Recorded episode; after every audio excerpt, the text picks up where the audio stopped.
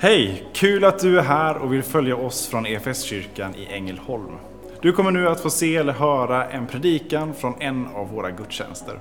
Har du några frågor eller vill veta mer om oss som kyrka så kan du alltid gå in på www.efskyrkan.info. Vill du ha tillgång till mer undervisning eller ta del av våra inspelade konferenser eller gudstjänster gå gärna in på vår play-kanal efskyrkan.tv. Nu ska vi lyssna på denna veckas predikan. Vad gott att få fira gudstjänst tillsammans igen. Och eh, det är ju idag eh, palmsöndagen och det är en, eh, en period där vi nu befinner oss precis i slutet på den stora fastan. Och vi stiger nu idag in i stilla veckan. Den där veckan, årets förmodligen största och, och rikaste och kanske mest dramatiska vecka. Stilla veckan som når sin kulmen i Jesu lidande, i Jesu död men också i hans uppståndelse. Jag tänker att de här dagarna som vi har framför oss, den här veckan som vi har framför oss, där är ett sånt otroligt fokus eh, kring de dagarna och vad som händer i och kring Jerusalem, i evangelierna, men egentligen i hela bibelmaterialet. För att hela Bibelns stjärna och kärna är ju Jesus Kristus själv. Och det är på något sätt som att det är en väg som pekas ut fram mot korset och det som Jesus kommer till att göra i slutet på den här veckan som vi nu minns. Så att vi är på väg mot korset, inte bara de här dagarna utan egentligen genom hela våra liv och egentligen genom hela mänsklighetens historia så har det varit en väg som har pekat fram på det väldigt speciella och unika tillfälle när Jesus dör och uppstår. Men nu är Jesus och lärjungarna också på väg till Jerusalem och de är där eh, för att få fira påsken. Och de är där inte själva utan tillsammans med en otroligt mängd människor från landet, men inte bara från Israels land utan från länderna runt omkring. Det är pilgrimer från norra Afrika och från, från enormt stora områden som söker sig till Jerusalem för att gå upp till templet, för att fira sin gudstjänst och för att bära fram sina tackoffer och, och, och på annat sätt ge sitt uttryck efter sin längtan efter Herren och att hans profetior ska gå i uppfyllelse staden Jerusalem som, som vi kan ana någonstans vid den här tiden bär ett invånarantal på, på runt 25-30 000 själar. Men under de här veckorna vid, vid påsken och de andra högtiderna så, så exploderar staden av alla dessa pilgrimer som söker sig dit. Och stadens invånarantal under den här veckan mångdubblas, tio gånger fler, säkert uppemot 250-300 000 människor söker sig dit. Och det finns naturligtvis inte plats för alla att bo i, inne i stan utan på slätterna runt omkring så slår folk upp sina tillfälliga hyddor och, och också på Olivbergets sluttning så är det folk som, som liksom slår upp sina tältliknande små boningar där under den här veckan. Och någonstans kan vi ana att på Olivbergets sluttning ner mot mittemot tempelplatsen så är det väldigt vanligt för folk från Galileen att liksom det är deras område. Så är det ju ofta när vi är ute och reser att vi liksom gärna slår följe med dem som vi ändå kanske bor nära annars också. Men Jesus och lärjungarna bor inte där inledningen på veckan utan de besöker sina goda vänner Maria, Marta och Lazarus. Lazarus som, som en kort tid innan faktiskt hade uppväxt från de döda och det var en enorm uppståndelse kring detta naturligtvis i Betania. Men nu är Jesus och lärjungarna tillbaka till det här hemmet och där de får övernatta. De har firat som igår, lördagen, sabbaten och fått också bryta sabbaten med, med festen på kvällen. Men så som här, första dagen på veckan så beger sig Jesus och lärjungarna den där korta vandringen från Betania in mot Jerusalem. cirka två kilometer. En halvtimmes promenad upp för Olivberget och ner igen och sen så är man i stan. Men som vi fick höra läsas här i inledningen på gudstjänsten så, så när de är på väg upp för Olivberget så har de den här lilla byn Betfage framför sig. Och så stannar Jesus upp och så säger han, gå in i byn och hämta åsnan, ungåsnan och led den till mig. Allting är förberett. Är det någon som frågar så, så bara säg så här, alltså det, det kommer att ordna sig. Ska man fundera på varför i all sin dag ber Jesus om den här åsnan? Är det så att han på den här korta promenaden har tröttnat, dåligt tränad? Eh, det liksom, han har bara mindre än en kilometer kvar, några hundra meter och det är till och med nedförsbacke på andra sidan Olivberget. Ändå ber han om en åsna att han ska sitta på. Det handlar ju absolut inte om att han är trött utan nu så markerar han att det närmar sig det som är hans livsmål och profetiorna kommer att gå i uppfyllelse. Och så kanske vi känner igen läsningen också ifrån första advent.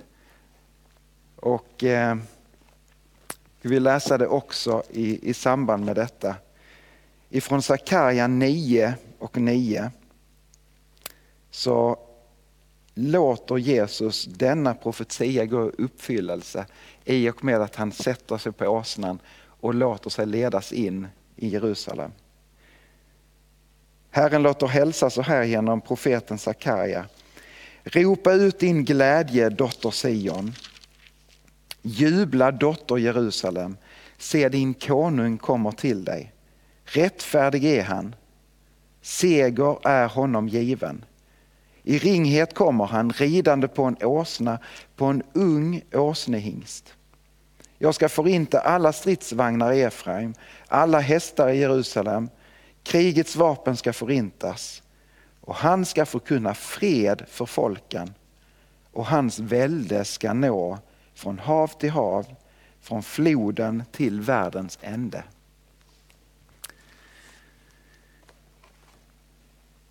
Herren låter hälsa att det kommer en kung som kommer med ett besked och bud om fred. Och jag tänker så här att när Jesus han rider ner för Olivberget och han får mötas av det här jublet. Lärjungarna stämmer in men det är också förmodligen mängder av människor som känner igen Jesus just med anledning av att de kommer från Galileen. Där Jesus har undervisat, där har det skett massor av tecken och under. Där människors liv har blivit förvandlade på djupet. Och så ser de honom komma ridande. Vad är det för förväntan hos folket? Kanske någon har börjat ana det som Petrus tidigare har faktiskt bekänt. Du är Messias, den levande Gudens son. Kanske där är en förväntan bland folket. Nu så är han den nya ledaren, den nya kungen. Här kommer vår räddning. Här kommer vår räddning mot romarna men kanske en räddning som sträcker sig mycket, mycket längre och djupare in i våra liv. Så där är en förväntan och på något sätt så är det nästan som att många av de här tar emot honom just som en kung. Och så kommer han ridande på en åsna. I antiken så, så var det också ett budskap när en kung kom ridande på en åsna. Satt kungen till häst så var det en markering av att nu är vi på väg att gå ut i strid. Men kommer kungen ridande på en åsna så förmedlar han, jag kommer med ett fredligt, eh, en fredlig hälsning eller att vi sluter fred. Och så rider Jesus in i Jerusalem. Och jag skulle vilja säga att staden då var i ett stort behov av hans ankomst. Folket då var i ett otroligt stort behov av att Messias just rider in med den här hälsningen om fred. Men så sker någonting annat också där Eh, på väg ner för Olivberget. Tempelplattan och templet precis framför sig. En ståtlig syn. och det är fest och det är glädje i luften. Och, och det är den här förväntan och det är jubelsånger och, och folk liksom är utom sig av glädje. Då plötsligt brister Jesus ut i en djup, djup gråt. Det läste vi inte i evangelietexten som vi fick höra innan, men går vi till evangelisten Lukas och läser i hans 19 kapitel, vers 41 och framåt, så står det så här. När han kom närmare och såg staden så började han gråta över den och sa Om du denna dag hade förstått också du vad som ger dig fred. Men nu är det fördolt för dig. Om du också idag hade förstått vad som ger dig fred. Och Jag funderar många gånger över det. Är detta en gråt som Jesus gråter som sträcker sig längre än just över den tiden och just över den platsen? Är det också tårar som faller som sträcker sig rakt in i vår tid? Och rakt in i våra sammanhang och kanske också rakt in i våra liv? Om ni bara hade förstått vad som ger er fred och frid. Vi är fortsatt precis lika stort behov av att Herren rider in i våra liv, i vår stad, ibland vårt folk, i vårt land och i vår värld. Och Det är som att det ljuder ett Guds shalom över mänskligheten men också över precis just ditt liv. Ett Guds shalom, ett Guds fred eller Guds frid över ditt liv.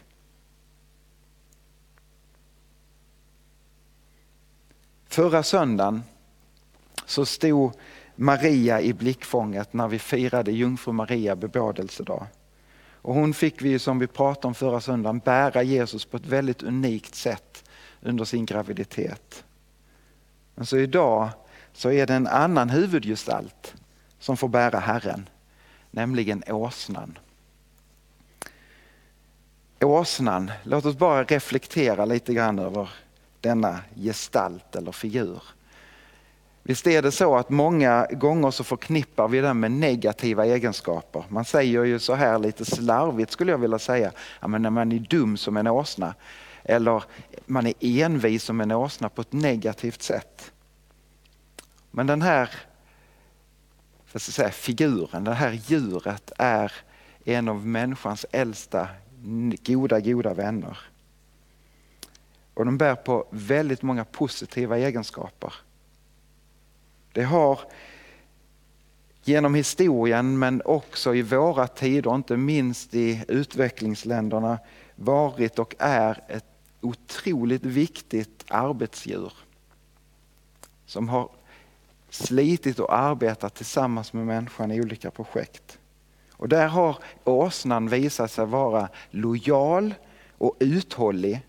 Och det förknippas ofta, åsnan förknippas ofta med flitens egenskap.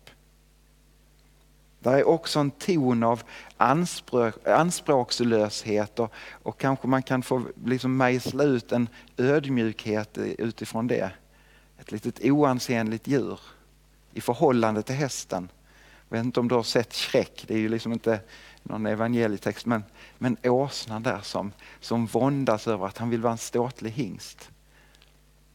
Så är det en god ton av ödmjukhet över åsnan lojal och uthållig.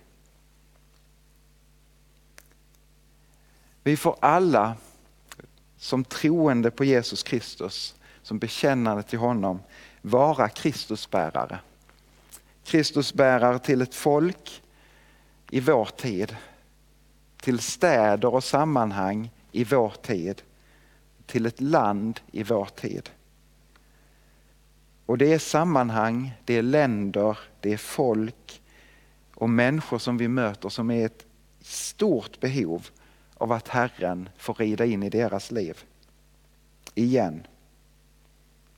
Kan vi då uppmuntras och kanske också utmanas av åsnans olika goda egenskaper. Är vi som kristna bärare av Kristus uthålliga och lojala? Eller är vi människor som bara lättvindigt faller för liksom tidens olika nycker eller känslor som kan komma över oss på olika sätt?